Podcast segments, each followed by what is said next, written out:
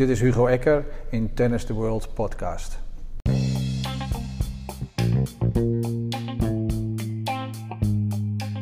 Welkom bij de Tennis the World podcast. Als jij een fanatieke tennisser bent en graag beter wil worden, dan is dit de podcast voor jou. Samen met inspirerende gasten gaan we mooie gesprekken hebben, inspirerende verhalen horen en informatie geven, waardoor jij meer progressie kan boeken. Welkom uh, Hugo bij de Tennis World podcast. Ja, jij welkom hier bij Tennispark Buitenveldert. Ja, dankjewel. Leuk om, uh, om jou te spreken hier in de podcast. Het onderwerp wat we natuurlijk gaan bespreken is uh, lifestyle. Um, een quote die ik van jou al vaker voorbij heb zien komen is dat de bedoeling is dat je vandaag beter bent dan gisteren. Um, en, en ook sowieso ben ik gewoon heel benieuwd naar, naar jouw kijk als ervaren coach. Met de mensen die je natuurlijk allemaal gecoacht hebt ook mensen die ik al in de podcast heb gehad. Um, dus onwijs leuk. Maar waar we, uh, een eerste vraag waar ik eigenlijk op in wil gaan bij jou, ja, gaat meer over jou ook. Een vraag die jij kan beantwoorden. En dat is, waar wil jij nou echt beter in worden? Waar ik beter in wil worden? Waar jij beter in wil worden? Nog beter. nee, uh, ja, waar, waar, ik beter in wil worden? Um, eigenlijk... Uh, ben ik vooral bezig om te faciliteren. Zeg maar, om, uh, om voor de spelers eigenlijk uh, een dusdanige situatie te creëren dat ze zich op alle terreinen kunnen ontwikkelen. En uh, daar, ben, daar zitten we nog zeker niet op het, op, op het punt dat ik zeg van dat is helemaal nu voor elkaar.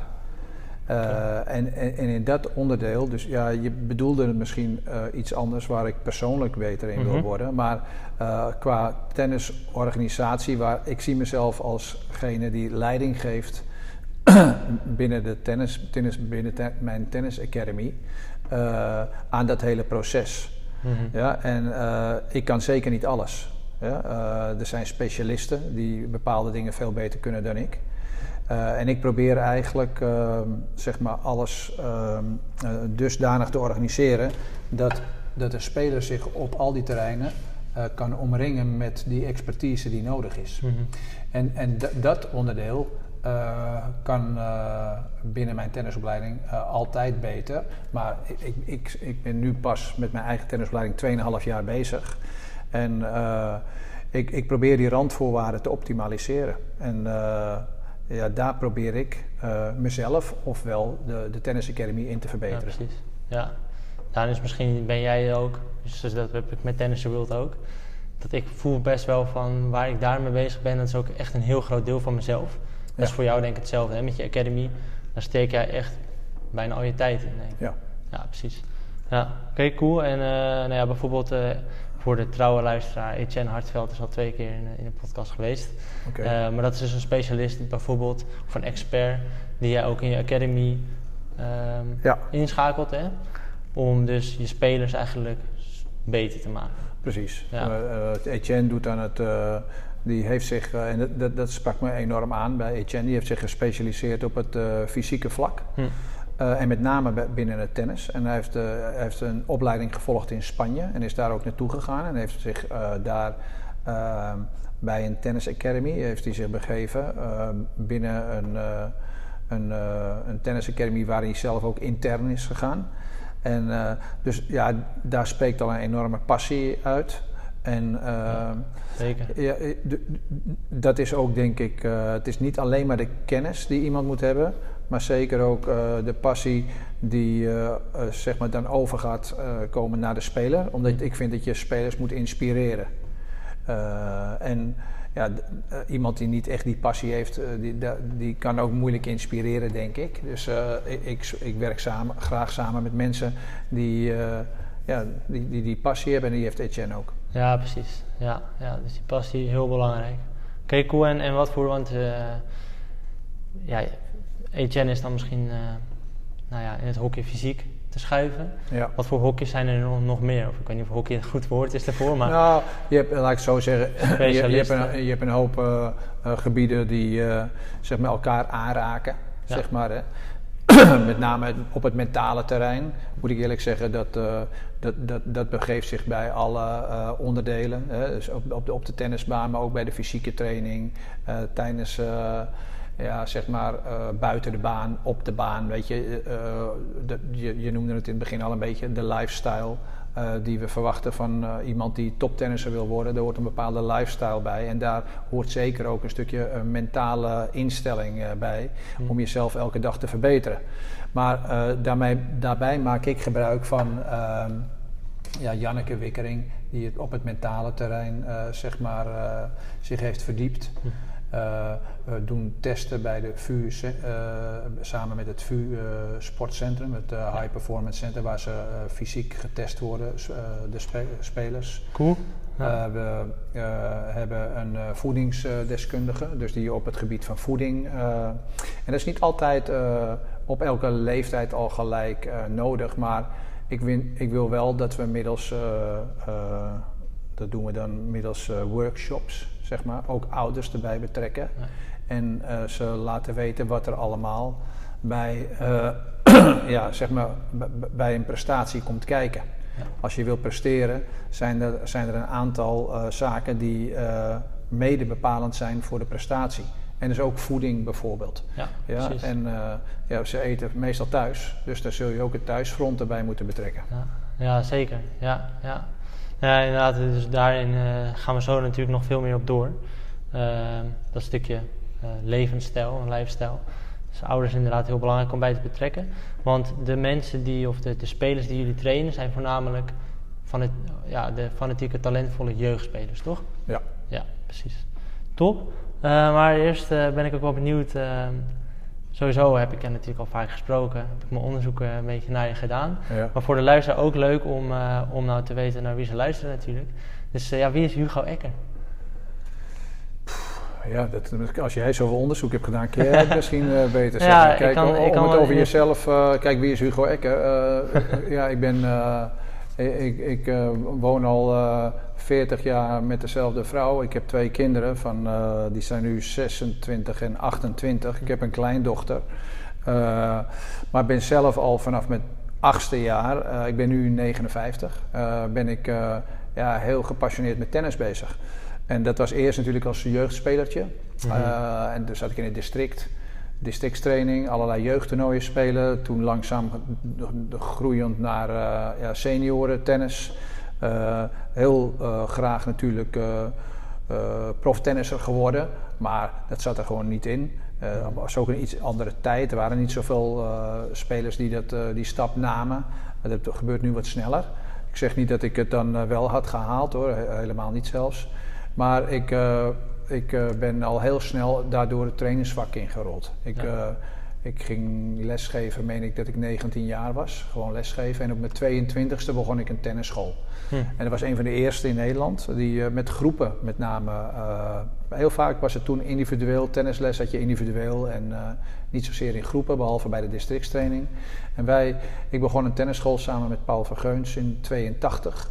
En uh, wij waren eigenlijk een van de weinigen die toen met uh, groepen gingen werken. En ook met, met die spelers allemaal naar toernooien toe gingen. Oh, oké. Okay, en dus- rondreizen uh, ja. in Nederland. En dat... dat, dat Wel gelijk al op echt talentvolle spelers?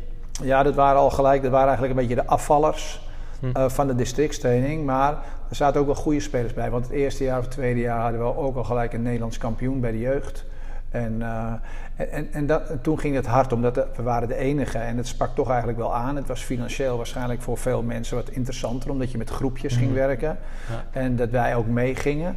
Dus de link, uh, en dat blijf ik tot op de dag van vandaag zeggen, tussen wedstrijden spelen en trainen.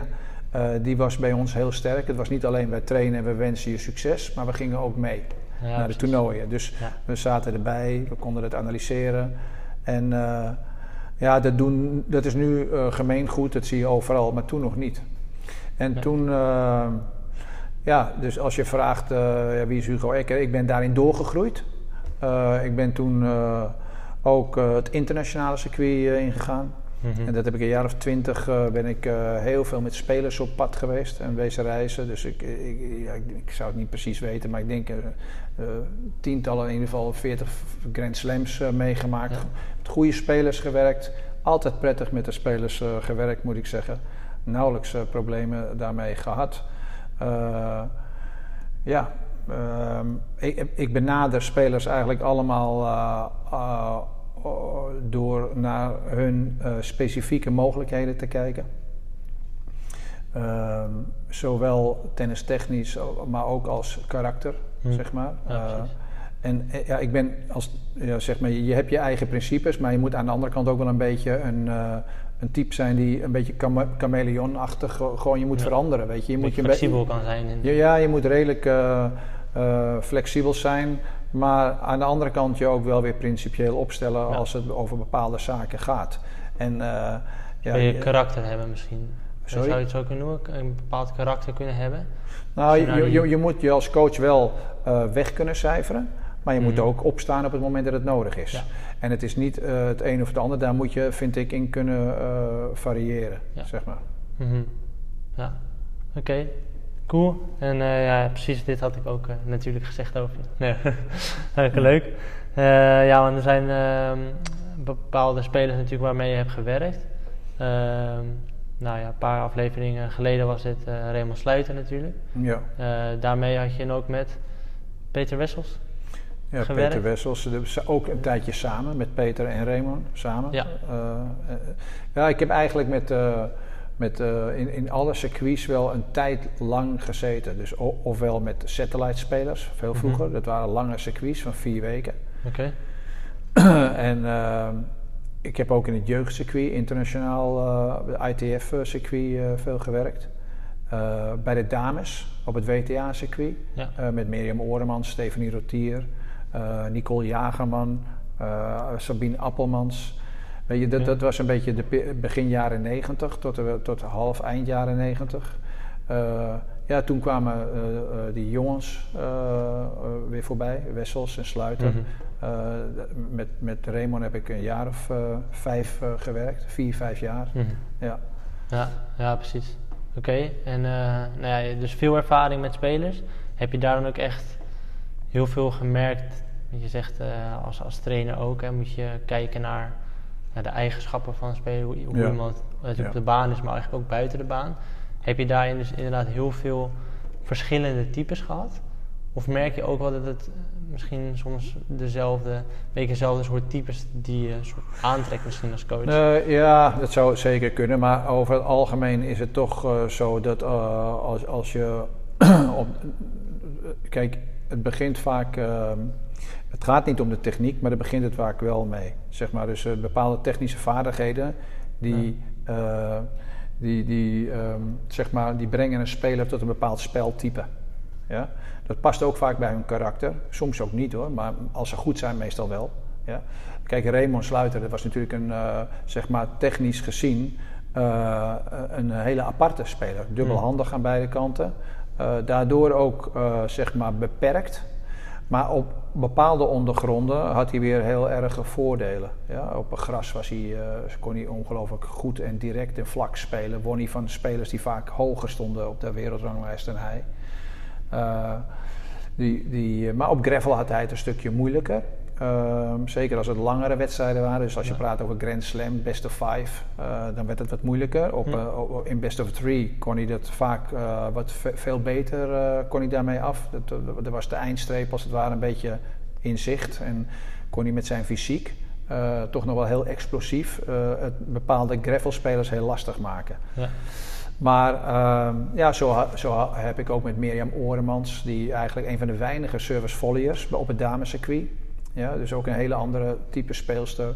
Uh, op zich ook vrij ongeduldig uh, was. Maar uh, als je dan het accent gaat leggen op dat ze heel vast moet zijn, ja, dan, dan sla je de plank mis. Dus ja, je moest daar ook op een bepaalde manier benaderen dat ze eigenlijk haar speltype paste bij haar karakter. En ja, zo, zo, zo, heb je bij iedereen weer, uh, hoe heet het, Peter Wessels, een service volleyer. Mm uh, maar eigenlijk kon hij ook achterin behoorlijk uit, uh, goed uit de voeten. Wat, wat heel positief klinkt. Maar daardoor hinkte hij zelf nog vaak op twee gedachten. Want hij kon ook van achteruit best wel wedstrijden winnen. En, maar uiteindelijk gaat het erom dat als je echt heel goed wil worden, dat je beter in één ding heel goed kan worden, Ja. eh, dan eh, overal redelijk, zeg maar. Ja, en dat is wel eens soms een uitdaging, eh, omdat het ook, ja, je, je hebt geen zekerheden hè, als tennisser. en, en als coach gaat het er dan om dat je toch iemand probeert te overtuigen en mee te krijgen in een bepaalde visie. Want het, het, het moet niet zo zijn dat die, eh, de visie van de coach daar, maar, maar hij moet zelf gaan geloven in een bepaalde visie. Ja. Dus, dat, dus, Ja, dus het, het, het opleggen van bepaalde dingen, eh, dat, dat werkt eh, in mijn ogen niet zo goed. Je moet iemand meekrijgen. Ja, ja. ja, precies. Want als je zegt, ja, een, een speler die moet ook zelf achter, zijn- of eigenlijk bijna zijn eigen visie kunnen creëren. Ja. Ehm, wat, wat is een visie van een speler? Als, ik, als je misschien voor jezelf ook als speler kijkt. Tennis je ook nog veel zelf? Ja, ja. Wat, zou een visie, wat is een visie van jou als, als tennisser? Of als coach misschien? Ja, kijk, eh, de, de een visie, het uiteindelijk eh, gaat het erom dat je eh, wil weten hoe je wedstrijden moet winnen. Mhm.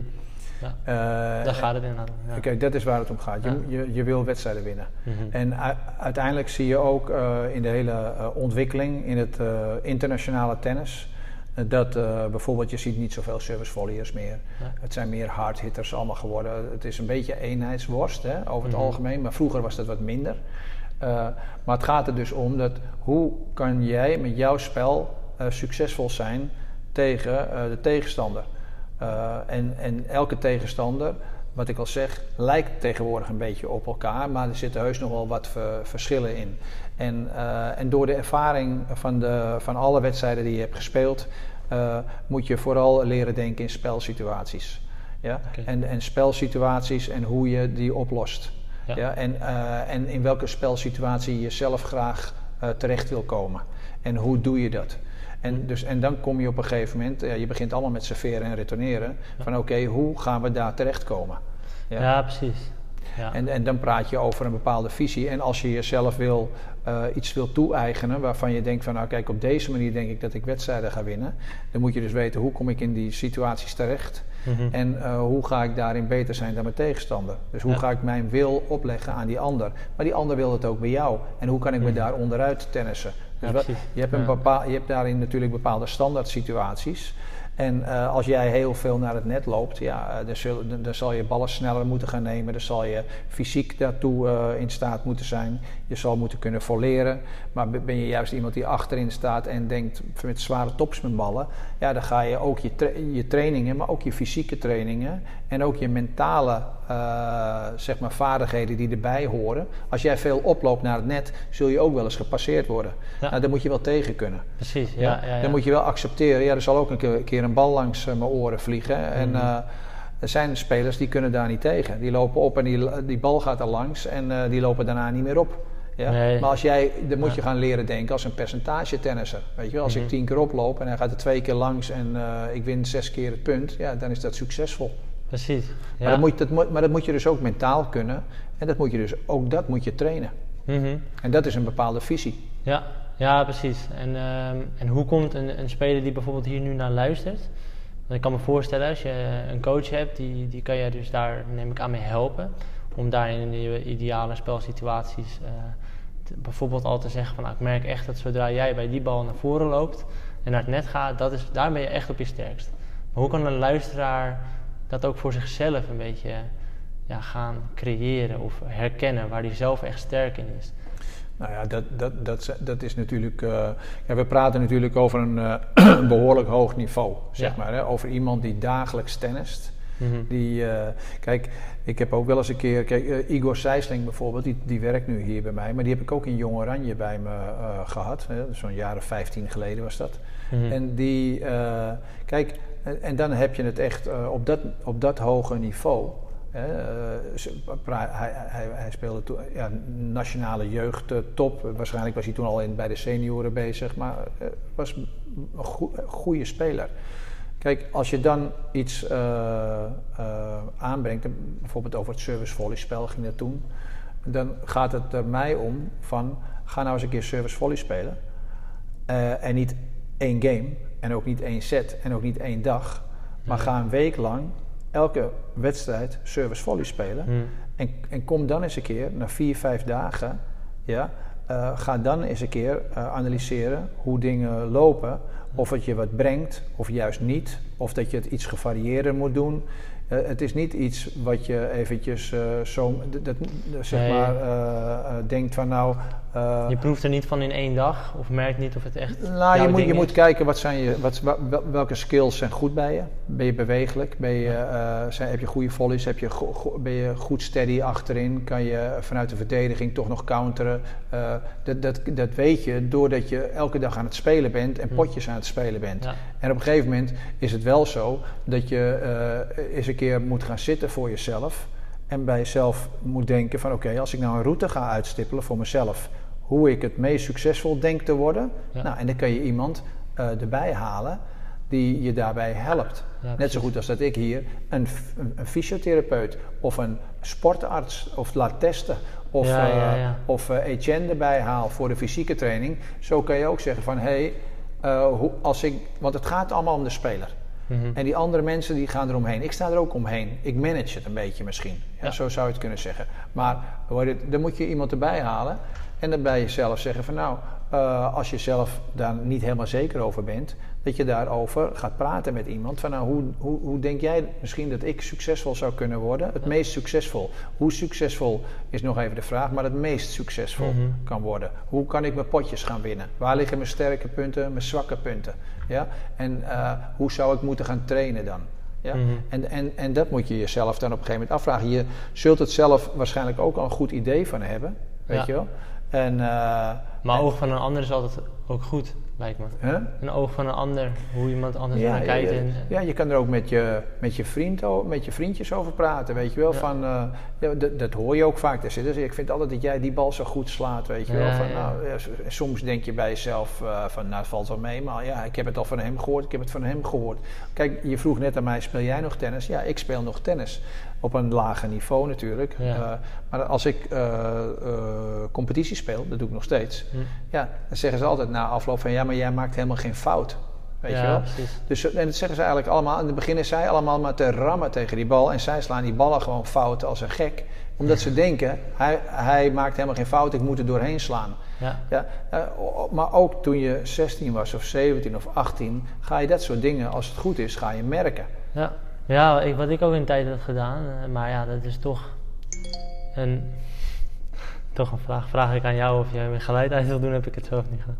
Maar wat ik zelf heb uh, bij, gedaan bij uh, mijn wedstrijden, was vorig jaar vooral, dat ik dan na een pot, als ik gewonnen had of verloren had, dat ik gewoon aan mijn tegenstander vroeg van, wat vond jij nou dat ik echt goed deed? Ik ben echt benieuwd, omdat ik mijn spel wil verbeteren. Ja. ja, dan ben je best wel, ik speelde toen volgens mij ook in de vier enkel. Nou ja, het is dus uh, niet dicht bij het uh, niveau waar, wat jij vooral coacht. Toch een aardig niveau. Maar na een tijdje vond ik het toch maar een stomme vraag om te stellen. Maar als je erover nadenkt, is het eigenlijk supergoed. Ja, ja. Daardoor kwam ik wel inderdaad vaak op het antwoord dat ze uh, ja, ook bij mij vonden dat ik vast was. Maar het tempo wel hoog wist te houden vaak. Die ze soms ook weer juist niet aankonden. Dus uh, maar een tijdje mee gestopt. Maar dat is misschien ook wel een goede om. Uh, nou, kijk, het, het, is niet zo gebruikelijk dat uh, in het, zeg maar in het internationale tennis dat je aan je tegenstander dat gaat vragen. Nee, nee. Maar daarvoor heb je je coach bij je. Ja. ja. En je hebt een coach meegenomen waarvan je denkt dat hij dat hij een meerwaarde is voor jou. Ja. Weet je wel? Dus uh, je, je gaat met een coach samenwerken. Uh, Raymond die heeft het van de week nog uh, uitgelegd voordat hij met die Gurgus ja. zag. Ja. Dat je een proefperiode hebt. Ja? En dan in zo'n proefperiode ga je kijken van ja, spreekt het mij aan hoe deze coach over tennis denkt. Ja. En zou hij een meerwaarde zijn voor mij? En dan, dan neem je bepaalde dingen door met elkaar. Ja, en. Dus op, op het moment dat je met zo'n coach reist, ga, gaan we er even vanuit dat een speler denkt: dit is een meerwaarde, uh, die kan goed analyseren. Ja, die, die kan. Uh, kijk, als speler ben je vaak soms nog wat emotioneel in de heat of the moment, weet je wel. Uh, en dan is een, uh, iemand die aan de zijkant zit, die uh, wat, wat makkelijker kan analyseren op dat moment. Uh, en de grote lijnen misschien tussen, ook tussen wedstrijden in of over een bepaalde periode. Dat hij daar op een gegeven moment een goede feedback over kan geven en ook een invulling kan aandragen. Ja, ja. ja precies. En dat, dan maak je elkaar inderdaad sterker. Ja. Hey, nog even een sprongetje terug van wat je net zei, vond ik ook wel een goede. Um, je gaat, je gaat een spel, uh, je gaat spelen. Je, wilt, uh, je gaat nadenken over hoe jij het maximale uit je spel kan halen. Uh, maar dus niet, ga niet een, een, een dag of een uur of een set of een game service volley proberen te doen. Als dat hetgeen is waar, waarvan je denkt dat je veel kan winnen. Maar dus voor een langere tijd. Dus eigenlijk, waar ik ook aan moest denken, hetzelfde te vertalen aan heel veel dingen natuurlijk. Maar ook als je een bijvoorbeeld uh, sterkere armen wil, doe je dat ook niet voor één uurtje of voor tien minuten. Dus eigenlijk daardoor is het heel snel te begrijpen van oké, als ik dat, dan is een week eigenlijk te kort natuurlijk. Maar stel je zou dat inderdaad uh, een maand of uh, drie doen, en dan krijg je sterkere armen. Nou, kijk, je, moet je, je moet niet, niet te snel in conclusies nee, rennen. Je moet echt goed getest hebben. Ja, ja, dus je moet zeg maar een soort uh, ja, data uh, opbouwen. Mm. Weet je, als ik, uh, als ik tien keer met die approach oploop, ja, natuurlijk, als het misschien bij de eerste drie keer slaat die andere hem er twee keer langs, ja. maar misschien de volgende vijf keer niet meer. Nee. Weet je wel? Er zitten ook nog hele andere aspecten aan bepaalde tactieken. Wat ik zei, kijk, Mirjam vroeger die speelde service volley en zelfs ook chip and charge, wat niet zo gebruikelijk was bij de dames. Ja. Maar zij kwam bijvoorbeeld tegen speelsters die die ballen uh, heel vaak, uh, dan kan ik me herinneren dat ze een keer speelde tegen Amanda Koetser. Nou, die kon ongelooflijk veel ballen uh, terugslaan. Dat was een topspeelster. Maar die was ook gewend om heel veel ballen terug te slaan. Dus wanneer die rallies super kort werden, dan had dat in het begin van een partij misschien niet zo'n impact. Maar na, een, een, zeg maar na 5, 6, 7 of 8 games begon het er aardig te irriteren dat er geen balwisselingen kwamen. Ja, ja, en dat ze ballen misten. En, uh, en dat, daar ging ze de schuld geven vervolgens omdat ze zo weinig ballen sloeg. Omdat Mirjam de hele tijd maar service volley speelde en chip and charge. Ja, ja. ja? En dan, dus dan ga je ook in het hoofd zitten van een ander. En dat, is een onder, dat kan een onderdeel zijn van de tactiek. Net zo goed als dat uh, een John Isner in het hoofd... Die jongens aan de overkant zullen soms wel denken van... Ja, die gozer kan helemaal niet tennissen. En, uh, maar hij slaat maar aces achter elkaar. En zo had je ook Karlovic... Ja. Ja? Dat zijn hele irritante jongens om tegen te spelen. Mm -hmm. Omdat je geneigd bent om te denken van ja, hij kan alleen maar serveren. Maar uh, als zo'n Karlovic uh, zeg maar ook wilde vanuit de achterlijn heel veel gaan spelen en daar veel aandacht aan zou besteden, uh, dan denk ik dat het een minder goede tennisser zou zijn geweest. Ja, omdat hij echt heel erg gefocust heeft dus op die service. Ja, hij is Ja. gewoon een, uh, een bloedirritante speler om tegen te spelen. Mhm. En uh, zo kan het ook zijn dat als je gewoon alles maar terugspeelt, weet je wel, het kan ook bloedirritant zijn. Het, het zijn, uh, je, hebt twee, je hebt twee dingen, je eigen spel, maar ook wat voor effect heeft het op een tegenstander.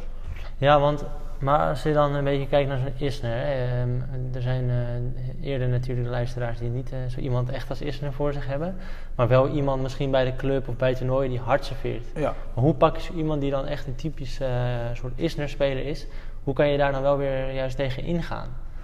Nou, kijk, wat, wat, wat, wat, natuurlijk inderdaad, je hebt ook uh, juist dat je tegen zo'n type speelt. Mm -hmm. Kijk, wat, wat, belangrijk is, uh, tenminste wat, wat ik, uh, waar ik het de, aan, de nadruk op zou leggen, is van ja, irriteer je niet aan die aces die gaan komen. Precies. Ja? ja. Maar, Daardoor sla je eigenlijk al een heel hoop mentale irritatie over. Denk ik. Ja, dus hij gaat aces slaan. Ja. Uh, maar het gaat er vaak om dat je maar één keer de service hoeft te breken van zo iemand. Want, want laten we er even van uitgaan dat hij vooral goed kan serveren, mm -hmm. maar niet zo goed kan rallyen en tennissen. Dus jouw service games, die pak je wel. Ja. Het gaat erom dat je moet zorgen dat je uh, hem één keer pakt. En het hoeft niet de eerste service game te zijn, en ook Mhm. mm -hmm. niet de tweede en ook niet de derde.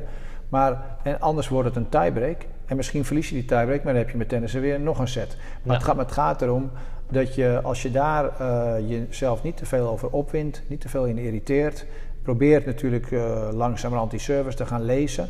Uh, ergens één service gamepje winnen of er dichtbij zitten. en waardoor hij misschien nerveus wordt en een dubbel foutje slaat op een belangrijk moment. Mm -hmm.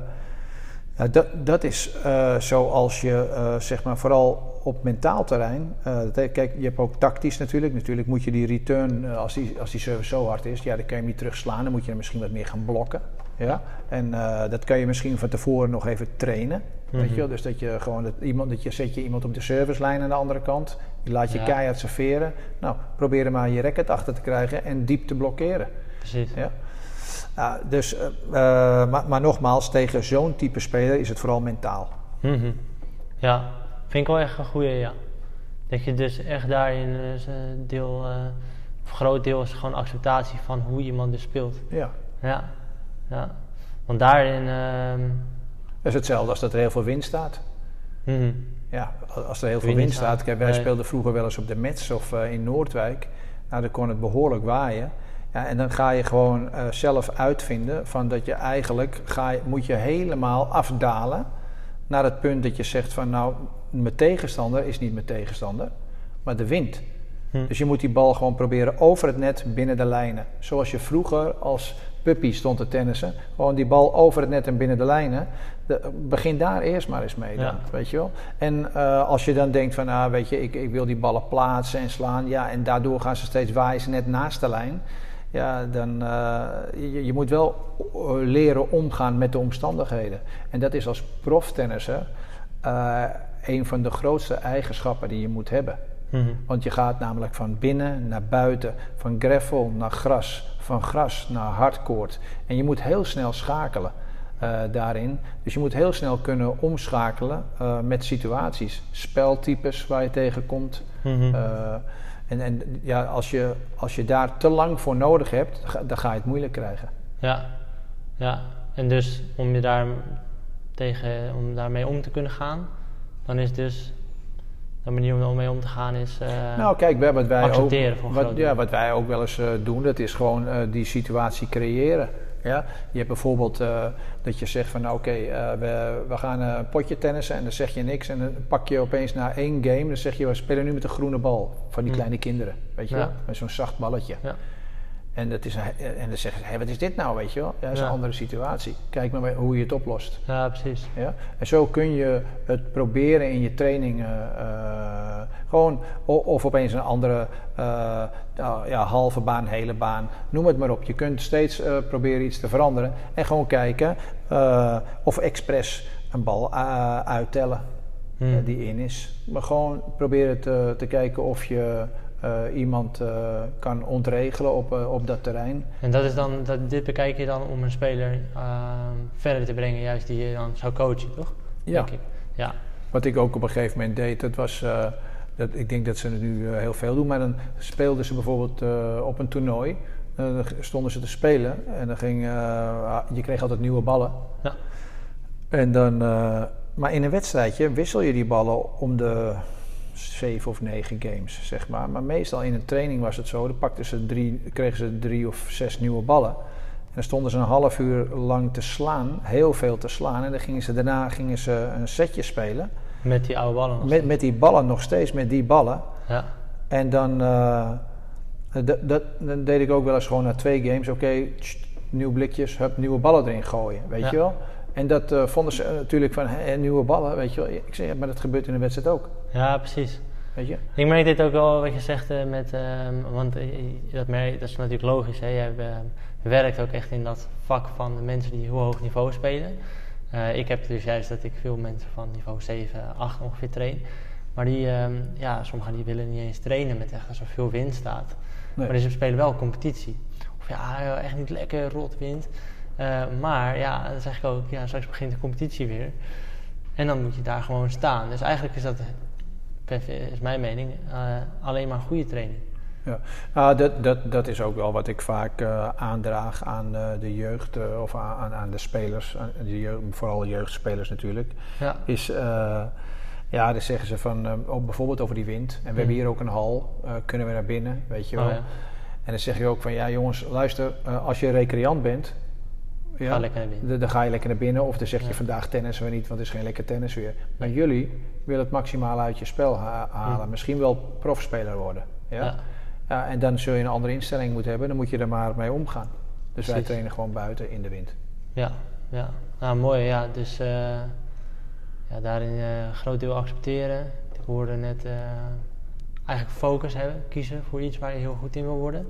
Maar ook ja, bijstellen van bepaalde situaties door wind, dat je een keer juist buiten Nou, je moet, je moet, je moet eh, snel kunnen eh, zeg maar, schakelen. Je moet sowieso snel kunnen schakelen, omdat de spelsituaties zich heel snel wisselen op een tennisbaan. Mhm. Weet je, je staat daar aan te vallen en opeens zit je weer in de verdediging. Ja, Hoe vaak ik wel niet zie dat iemand zeg maar in de aanval zit en die gaat een harder slaan, zeg maar. En dan komt de volgende bal en die moet dan nog harder. En dan die bal daarna, die moet gescoord worden. Terwijl die is misschien moeilijker dan die, die dan die bal die je ervoor kreeg. Maar het zit in een patroon van, ja, nu ben ik aan het harder, harder, harder en nu scoren. Maar je moet, het is net als, ik, ik noem het dan ja, als in een auto. Op een gegeven moment komt er een bocht aan en dan moet je toch weer terugschakelen naar z'n twee. Ja, goeie. Ja? En dan ga je weer naar z'n drie en naar z'n vier. En dan hup, komt er opeens een auto voor je rijden. Dan moet je weer even terug, even op je rem trappen. Ja, je moet anticiperen op spelsituaties. Ja. En, en dat moet je heel snel kunnen en eh, daar ook dus oog voor hebben. Eh, maar, maar dat geldt ook voor wisselingen van, wat ik al zeg, van ondergronden. Op een gegeven moment speel je weer op een snelle baan, weer op een langzame baan. Kijk, nu hebben ze in Nederland heel veel van, ja, iedereen moet op een medium hardcourt baan eh, beschikken eh, van de tennisscholen, omdat daar het best op te, te trainen is. Nou, daar ben ik er wel mee eens, dat daar het best op te trainen is. Maar op een kunstgras met, eh, waar we allemaal afscheid van willen nemen, wat ik ook begrijp. Maar vroeger, waar, toen we echt goede tennissers op een gegeven moment kregen, en ik wil het niet één op één daarmee in verband brengen, maar Ja. werd er op tapijt getennist, werd er op Hmm. beton getennist, werd er Ja. op gravel getennist. En eh, daardoor moest je wel, op een gegeven moment stond je op een tapijtbaan. Nou, wow, weet je wel, die bal die eh, met slice en eh, kwam je tegen een lefty die met slice naar buiten serveerde. Ja, los het maar op, hè. Ja, Weet precies. Daar zit dus juist heel veel, heel veel leermogelijkheden, heel veel groei. Ja, dus, dus, dus da- dan moet je dat maar eh, opzien eh, te lossen. En daar herkende je ook snel, zeg maar, op dat, op dat gebied de talentvolle spelers die dat kunnen. Ja. Ja. En eh, dat is hetzelfde als dat je ja, opeens van gravel, Roland Garros, en daarna, daarna moet je naar eh, de, de toernooi daarna, dat is op gras, op Rosmalen. Ja, of misschien zoals in september inderdaad, dat er nu US Open Ja. plaatsvindt en ineens gravel. Ja, als je dan Ja. eerst drie weken nodig hebt eh, voordat je aan het gras gewend bent, dan is het grasseizoen afgelopen. Dus, Ja. dus het maakt het. ik, ik, ik zeg niet dat het onbegrijpelijk is dat, dat, dat mensen dat hebben. Mhm. Ja? Maar het kwalificeert je wel een klein beetje. Ja, ik, welk eh, level je eh, zeg, maar, Ja. eh, eh, zeg maar hebt. Ja, van wat wil je, eh, waar wil je naartoe, dan, dan horen daar ook bepaalde aspecten in. Ja, en, en sommigen die hebben dat van nature. Net als eh, dat er een hele hoop dingen van nature bij de een wat meer aanwezig is dan bij de ander. En, eh, en, maar dat, dat is op het mentale terrein, op het fysieke terrein, eh, kan het allemaal net even wat anders zijn. De een is fysiek heel sterk, de ander wat minder, maar die is weer mentaal heel sterk. Daardoor kunnen er toch natuurlijk eh, een bepaalde balans eh, op, eh, optreden. Ja. Je kan niet alleen maar op de techniek eh, iemand beoordelen. Nee. Want als er een speler eh, nieuw bij jou binnen zou komen, stel een, eh, een jongen van, eh, van 15, 16 Ja. jaar, waar, waar kijk je dan het eerst naar? Nou, ik praat eerst. ik wil eerst weten wat hij wil. Hm. Zeg maar. Ik wil eerst weten van wat, wat heeft hij in zijn hoofd. En dan ga- gaan we tennissen. En dan kijken of dat het niveau in principe overeenkomt met zijn doel. En of dat haalbaar zou zijn eh, volgens mij. Weet je wel? Dan ga ik, ga ik dat een beetje bij elkaar leggen. En dan eh, is het zo dat ik voor de rest kijk, eh, als ze bij mij komen trainen, waar ik ook naar kijk, is past hij in de trainingsgroep? Oké? Ja, qua niveau. Kan hij goed meekomen? Heeft hij wat aan die groep? Heeft die groep wat, wat aan hem? Mhm. Weet je, dat is een eh, belangrijk eh, aspect. Eh, ook op het gebied van eh, ambitie. Dus eh, is dit iemand die, eh, zeg maar, eh, ja, die lifestyle waar ik het dan wel eens over heb, eh, zeg maar, eh, ook eh, dat hij daarin mee wil gaan, dat hij dat logisch vindt of dat hij daarin stappen in wil maken? Of Ja. is het iemand die zegt van nee, dat, ik, ik, ik, ik ambieer op een hele andere manier te tennissen, wat ook goed is. Ja? Maar goed, dan komt het niet overeen met de, de, de zeg maar... eh, De waardes van. eh, ja, ja, de, Ja. De, de, de manier hoe ik een groep, eh, een, bepaald milieu wil creëren binnen mijn tennis academy. ja, precies. Ja. Ja, oké, cool. Want eh, ik eh, zal, het, zal het even voorlezen. Ik zag op de site: topsport gaat vooral om lifestyle. Daar zit, wat ons betreft, het verschil tussen talentvol blijven of succesvol worden. Je aanpak zal dagelijks gebaseerd moeten zijn op het ontwikkelen van alle vaardigheden die van, die van invloed zijn op je prestatie. Ja. En dat vind ik eh, mooi, mooi gezegd zo. Ehm, dus het verschil tussen talentvol blijven en succesvol worden. Lifestyle is belangrijk, hè, maar eh, hoe, hoe zie jij lifestyle voor je? Waarom is dat belangrijk als tennissen? Nou, met lifestyle, eh, zo heb, he- heb ik dat genoemd. Ik, dat, dat noemt een ander misschien eh, net even wat anders, dat maakt niet uit. Mhm. Maar eh, wat ik bedoel daarmee te zeggen is dat eigenlijk alle keuzes die je maakt eh, op een dag, dat die in lijn moeten zijn met het doel wat je wil bereiken. Ja? Dus als jij toptennisser wil worden en dan en ja, ga je toch nog dat programma s'avonds laat kijken op de televisie omdat je dat zo leuk vindt. Eh, eet je elke dag een hamburgertje met eh, patat en mayonaise. Ga je na je, eh, vlak voor je wedstrijd op een toernooi nog een tosti eten. Ga je alleen maar een, een cooling down doen op het moment dat je hebt gewonnen. Maar wanneer je hebt verloren, stap je gelijk met je ouders de auto in en ben je weg. Kijk, alle keuzes die je maakt, die moeten zeg maar in lijn zijn dat je het maximaal uit jezelf wil halen. En, ehm, en, en dan als je eh, dat helder voor ogen hebt, en daarom doen we ook workshops eh, met, en, en op het mentale terrein en ook op eh, voeding en dat soort zaken. En ook gewoon op de baan bij ons met de warming-up en de cooling down eh, en met toernooien.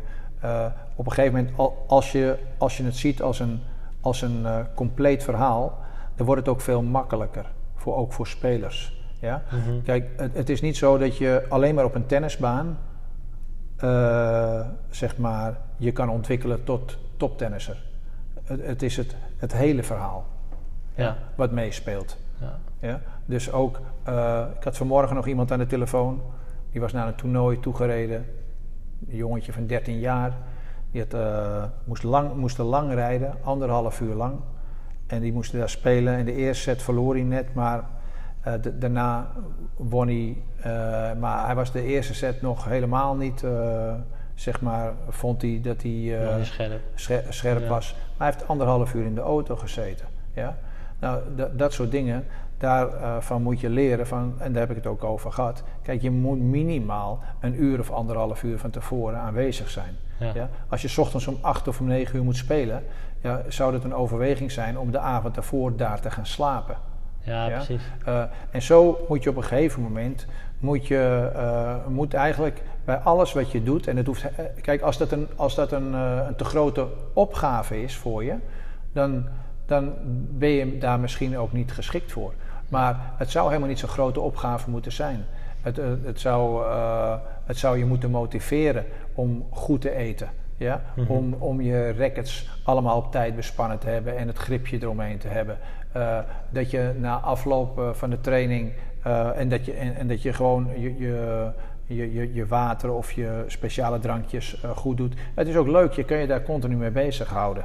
En dat bedoel ik eigenlijk met eh, lifestyle. Als je, als je, dat, dat je ervoor zorgt dat de kans zo min mogelijk, zo min, zo, zo, zo min mogelijk aanwezig is dat je geblesseerd raakt. Doordat je je fysiek laat testen. Waar zitten je zwakke punten? Waar zitten je sterke punten? Mm. Hoe ga je je conditieprogramma daarop afstemmen? Ja? En dan kan je altijd nog wel geblesseerd raken. Ja. Maar eh, je, je kunt jezelf niet kwalijk nemen dat je bepaalde dingen daarin hebt fout gedaan. En ik vind het ook niet zo erg als er een keer een fout gemaakt wordt Nee. daarin. Ja? Want dat, maar eh, leer daar dan van. En dat bedoel ik, zorg ervoor dat je morgen weer een betere speler bent dan vandaag. Sterk. Ja, nee, ik, vind, ik vind dit wel heel mooi ook wat je zegt, ja. Ik had een ehm, tijdje geleden een video gezien van een... eh, het was volgens mij gewoon iemand die voor zijn hobby, een Amerikaan, die, die golft. En die zegt van ja, ik eh, kan soms echt boos worden. Of ik kon heel erg boos worden op mezelf. Als ik eh, niet goed had gegolfd. Terwijl als ik nou kijk naar hoe, lang ik, hoe vaak ik train, dan is het twee uur in de week. Waarom verwacht ik van mezelf dat ik in twee of drie slagen de bal erin heb? Dat kan ik toch helemaal niet van mezelf verwachten. Als je inderdaad ambieert om keihard goed te worden, dan zou zijn lifestyle ook veel meer moeten zijn op veel meer uren maken. eh, veel misschien beter materiaal krijgen inderdaad. En ja, het is eh, inderdaad prima als je gaat Netflixen de avond van tevoren voor je wedstrijd en het laat maakt. Als je gewoon voor je lol of wat je doel dan ook is, gaat, gaat tennissen. Inderdaad, eh, ja, het zonde als je... Nou, kijk, en zeker wanneer, wanneer je dus, eh, en dat is wat ik dan probeer, eh, spelers te omringen met de juiste expertise. Want ze maken fouten. Mhm. En nogmaals, dat is niet zo erg, maar op het moment dat ze een fout maken, en, eh, maar ze bespreken dat, Ja, ja, omdat ze beter willen worden. En ze krijgen door waardoor die fout is gekomen. Mhm. En dat je dat probeert te voorkomen een volgende keer, omdat je daarmee aan de slag gaat. Kijk, talentvolle spelers worden vaak talentvol genoemd omdat ze bijvoorbeeld coördinatief eh, goed bewegen, Ja. eh, mooi slaan, weet je wel. Maar eigenlijk eh, een, een, een echt talentvol iemand is als hij het, het, hetgeen wat hij geleerd heeft zo snel mogelijk kan inpassen en toepassen in een volgende situatie. En, ook wil toepassen, denk ik. Hè? En ook wil toepassen. Ja, dus wanneer ze dat kunnen, Mhm. ze hebben een leermoment, ze leren daar iets van en ze passen dat in een volgend moment direct toe, Ja, dan praat je echt over iemand die talentvol is. ja, Ja. ja. En eh, wanneer iemand steeds eigenlijk herhaaldelijk dezelfde eh, fouten blijft maken, ja, dan wordt het eh, al, ja, dan kwalificeert iemand zich al, dan moet hij wel vreselijk goed zijn in, in andere areas, zeg maar, Ja. om toch nog tot de elitegroep te gaan komen. Ja, precies. Ja. Want ik kan me ook voorstellen dat als je een, een, jongen bent of een meisje bent van een jaar of, eh, laat zeggen, elf. ehm, of maakt het misschien ook niet uit hoor, voor de mensen die ook naar luisteren, die ehm, gewoon volwassen spelers zijn. Je hebt misschien ook niet altijd invloed op, of hoe kijk je ernaar, over bepaalde dingen als ehm, op tijd zijn bij je wedstrijd inderdaad. Of dat je die avond van tevoren niet eh, thuis eh, naar de tv kijkt. Denk je dat iemand daar heel veel invloed op heeft, heeft zelf? Of zijn er bepaalde aspecten waardoor, je, ja, waardoor het juist minder makkelijk wordt gemaakt?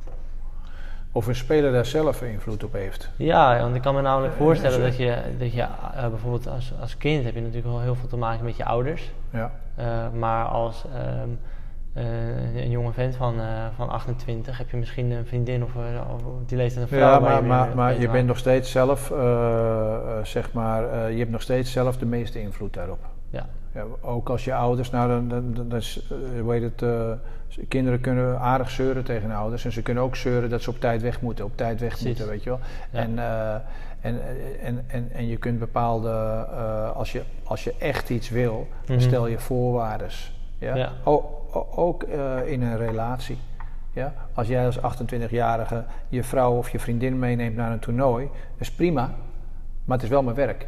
Dus, Mhm. eh, dus, dus eh, het is, het is eh, hoe heet het, mijn werk en, en er, er is daar ook tijd voor andere dingen. Maar dat moet je van tevoren gewoon heel duidelijk maken, zodat Ja, voor iedereen het heel duidelijk... Kijk, als je dat helemaal open laat en je, en je vriendin verwacht dat je elke dag mee gaat winkelen...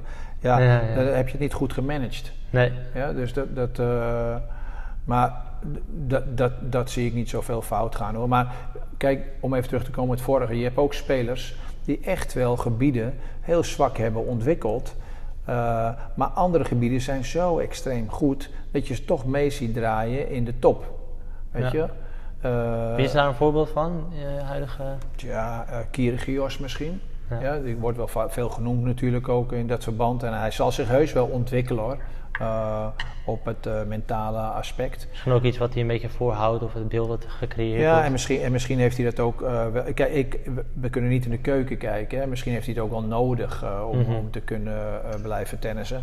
Ja. Maar, en, en dat is altijd moeilijk hoor. Als je over situaties praat waar je niet zelf helemaal bij betrokken bent. Om daar dan een echte mening over te vormen is.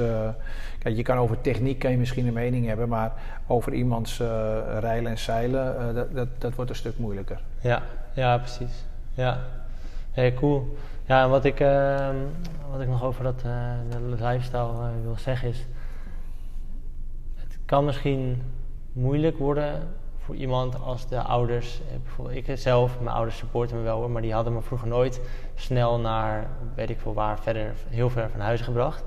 Eh, komt ook denk ik door mezelf. Ik had inderdaad zelf misschien veel meer daarop kunnen zeuren of kunnen aangeven wat ik wilde. Maar je kent ook natuurlijk ouders die zijn al vanuit zichzelf, uit hun jeugd, ook fanatiek met sport bezig. Ehm, maar wat, jij, waar, jij over, waar we mee begonnen was bijvoorbeeld een Etienne. Waarbij je zegt van ja, die is heel erg, heeft passie. En die wil ik dus bij mijn academy hebben. Er komt een jonge speler komt bij me binnen en we kijken of die ook binnen de groep past. En daarin heb je dus ook heel erg dat je eigenlijk de omgeving bekijkt.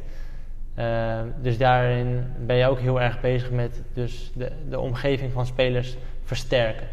Ja, dat is denk ik ook wat daarmee te maken. Ja, natuurlijk. Je, je hebt ouders die daar misschien eh, eh, weinig eh, stimulans inbrengen. Je hebt ook ouders die het overdrijven. Ja. Ja, die, die zijn er ook. En zo is het ook, zeg maar. ehm, kijk, laat ik het zo zeggen. Wat ik probeer te creëren. En iemand anders mag het op een hele andere manier doen. Ik denk Mhm. dat er veel meerdere wegen zijn naar Rome. Maar Ja. je moet wel voor een weg kiezen. Ja. Je, je kan niet gaan twijfelen en eh, dan weer links en dan weer rechts. Dus je moet het op een bepaalde manier doen. Ja. En ja, ik, de- ik denk dat de benadering eh, zoals wij hem eh, volgen, is van Mhm. nou, we proberen een dusdanig zeg maar, klimaat te scheppen waarbij de expertise vanuit verschillende invalshoeken aanwezig is. Ja. Ook bij de tennistrainers. Een Igor Sijsling die zelf de route heeft afgewerkt. Een Mark Derksen die internationaal bij verschillende internationale toptrainers heeft gewerkt. Ja. Ik die eh, ook weer een hele andere route heeft afgewisseld. Dus drie trainers die eigenlijk eh, complementair zijn aan elkaar. Precies. Ja. Eh, daarnaast specialisten. Maar ik probeer zo'n situatie te creëren dat, dat het, het ligt uiteindelijk aan de speler zelf. Ja. Ik maak geen speler. Nee. Ja. Ik help een speler. Ja. Ja? Eh, en, en, en, wanneer, en wanneer die eh, speler eh, hier is en die komt in een groep terecht waarbij professioneel gewerkt wordt, waarbij iedereen het maximale uit zichzelf probeert te halen en iemand die heeft zeg maar wel het vermogen om bij de top 10 van de wereld te komen of op de top 50, dat die kans zeg maar ook groter wordt dat hij het maximale uit zichzelf haalt, omdat, omdat iedereen op die manier bezig is. Mhm. Dat hij, eh, want die, die begint toch niet als beste. Ook niet hier begint hij als beste, als Ja. jong jongetje. Ja, dus die ziet oudere spelers. Daar kijkt hij tegenop. Hij ziet hoe ze aan het werk Ja, zijn. precies. Dus die cultuur die, die ben je heel erg Ja, je, probeert, je probeert een subcultuur eh, in eh, te creëren. Een subcultuur noem ik het. Omdat in Nederland de cultuur niet heel erg topsport-minded is. Nee, nee, nee. Ja? Dus je Het is moet... snel te misschien ook. eh, Sorry? Voor veel Nederlanders. Ik weet niet of ik het goed inschat hoor zo. Maar dat het te... Als je, als je topsport wil en je gaat een uur eerder weg. Of je gaat een nacht eerder ergens heen. Om maar, omdat je dan aankomt is het oh, dan wel heel overdreven. Nou, laat, Ja. laat ik het zo zeggen. Eh, zelf heb ik twintig jaar eh, of wel langer internationaal gereisd. Met, met heel veel mensen gesproken. Heel veel om me heen gekeken. Eh, ik denk, ik denk dat, er- dat ik spelers op verschillende manieren het heb zien doen. Ook trainers op verschillende manieren. Maar er is wel een bepaalde bandbreedte. Zeg maar. Mhm. Ja, waar je binnen eh, zeg maar, moet functioneren. Ja. Eh, zo heeft Igor nogmaals het ook gedaan en Mark ook. Ik denk dat wij voldoende know-how hebben om in ieder geval die spelers richting te geven. hoe ze eh, het moeten inrichten om maximaal binnen het internationale tennis, eh, als ze dat willen nastreven, hoe ze dat moeten benaderen. Ja. Ja? En eh, of, of ze het dan uiteindelijk gaan redden, dat zien we wel. Ja. Dat, vind ik ook eigenlijk een uitspraak die typisch zeg maar is voor, voor de niet-sporters. Dat is eerst zien en dan geloven. Maar voor topsporters hoort het andersom te zijn. Voor topsporters moet het zijn eerst geloven en dan zien. Ja. Ja? Je moet eerst ergens in geloven en dan doen we het allemaal op de juiste manier en dan zien we wel waar we komen. Er zijn geen garanties. En als ze het wel redden, hebben ze het vooral aan zichzelf te danken. Cool. Ja, goede, goede quote. Dat klinkt goed. Ja, ja nice. En ehm, we gaan een beetje naar richting het afronden. Ehm, waar kunnen mensen ook meer van jou, van jou vinden? Is dat eh, op Instagram of is het op je site? Nou, ik moet zeggen, ik doe wel mee aan Instagram, omdat het eigenlijk niet meer kan zonder. Uh, Mhm. Maar dat run ik niet echt uh, zelf. Ja. Uh, dat zijn impressies, zeg maar, van wat we doen. Precies. Facebook doen we ook niet zo heel veel mee, tenzij we iets hebben aan te kondigen, een tenniskamp of dat is. Vroeger verstuurde je folders of zoiets, nu gebruik, gebruik, je dat soort dingen ervoor. Ik heb mijn website, daar staat, daar staat wat, ik denk op de website staat nog het meeste als je, als je het hebt over uh, wat, hoe staan wij uh, en wat vinden wij ja. over hoe, jij hebt ook erop gekeken, Klopt. blijkbaar. Dus daar staat het meeste eigenlijk te vinden in over onze visie. Ja. ja, daarnaast is het zo dat ik eigenlijk altijd begin met een, een, een, proeftraining, een, een intake, een gesprek. Even kijken of het klikt. Mm -hmm. want het is wel belangrijk dat, het, uh, dat, dat, dat, wij moeten zeg maar, het zien zitten met een, om met de speler te werken, maar andersom zeer zeker ook. Ja. Weet je wel? Precies. Dus, eh, Dat vind ik ook een hele goede, goed dat jullie dat zo doen. Ja. en, en, en dan, eh, ja, op die manier eh, is het dat we werken. En dan gaan we kijken van, oké, eh, waar zijn we nu, waar willen we naartoe, hoe gaan we dat, eh, hoe, hoe, wat voor programma gaan we eh, daarvoor eh, samenstellen. Ja, ja, precies. Oké, en dat heet eh, denk ik, nou, als je Hugo Ecker eh, googelt, dan kom je ook wel denk ik op je site, maar dat heet Hugo Ecker Academy.nl. Dus de site bedoel je? Ja. Ja, dat is hugoeckertennisacademy.nl. Oké, oké, top. Ehm, ja, ik heb nog wat tegenstellingen voor je, dus Oh. daar kan je even snel eh, antwoord op geven. Federer of Nadal? Nadal, Oké. Gras of gravel? Greffel, Nederland of buitenland? Nederland of buitenland. Ja, ik weet niet in welke eh, hoedanigheid je bedoelt. Ik kom net uit Spanje, ik heb heerlijk vakantie gehad. Voor vakantie ga ik altijd naar het buitenland. Ja, precies. Als je nou, eh, oké, dan ga ik het zo zeggen. Even kijken, nooit meer Nederland in en er nooit meer uit? Of nooit meer, Nee, Nederland in. oké. Coach of speler? Ja, ja, ik ik ben gewoon echt een coach. Ja, Ik help graag mensen. cool. Oké, McEnroe of Borg? Poeh, is ook heel moeilijk. Eh, ja, dan, ja, toch dan ga ik toch voor Borg. Hm. Oké. Voorhand of backhand? Ja, persoonlijk backhand. Oké. Service of return? Service. Luisteren of praten? Eh, luisteren. Oké. Service volley of baseline spel? Eh, service volley.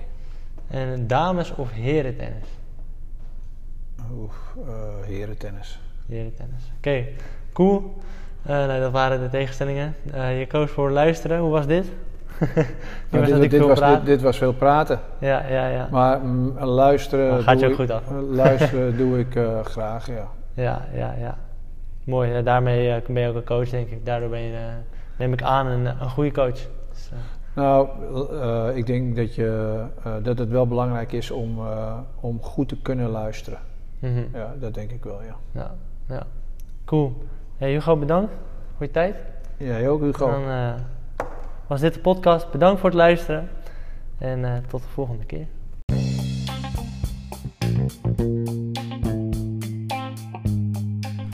Bedankt voor het luisteren naar deze podcast aflevering. En ik hoop dat je er onwijs veel aan hebt gehad, maar vooral dat je hetgene wat je geleerd hebt ook gaat toepassen. Want zoals je weet, knowledge is potential, action is power. Alleen datgene dat je ook omzet tot actie gaat je resultaat opleveren. En ben jij zo iemand die ook echt tot actie wil gaan komen, zijn spel wil gaan verbeteren, ga dan naar www.tennistheworld.nl slash speler. Want wij brengen allemaal fanatieke spelers bij elkaar binnen onze community, waarbij we ervoor zorgen dat jij kan trainen wanneer je wil, geld bespaart en beter wordt. Want dat kan online natuurlijk super makkelijk, gemakkelijk en overal wanneer jij wil. En ben jij een trainer? Ben jij leergierig? Beheers jij de oefenmindset dat je altijd ook van anderen wil leren? Dan hebben wij ook iets voor jou. Waar ik heel erg in geloof en waar Tennis World ook voor staat, is het versterken van je omgeving. Jij bent je omgeving. En als trainer sta je er soms wel eens alleen voor. Dus hoe fijn zou het zijn als je ook jouw kennis met anderen kan delen, maar ook dat jij toegang hebt tot de kennis van anderen en dat je met elkaar kan gaan sparren. En dit is nog iets nieuws, maar ben je hier heel benieuwd naar? Ga dan naar www.tennisworld.nl slash trainer en daar zie je meer informatie en gaan we ervoor zorgen dat wij jou over dit concept op de hoogte houden. Dus ik zou zeggen, kom tot actie, deel het op Instagram en ga naar www.tennisworld.nl slash speler of www.tennisworld.nl slash trainer.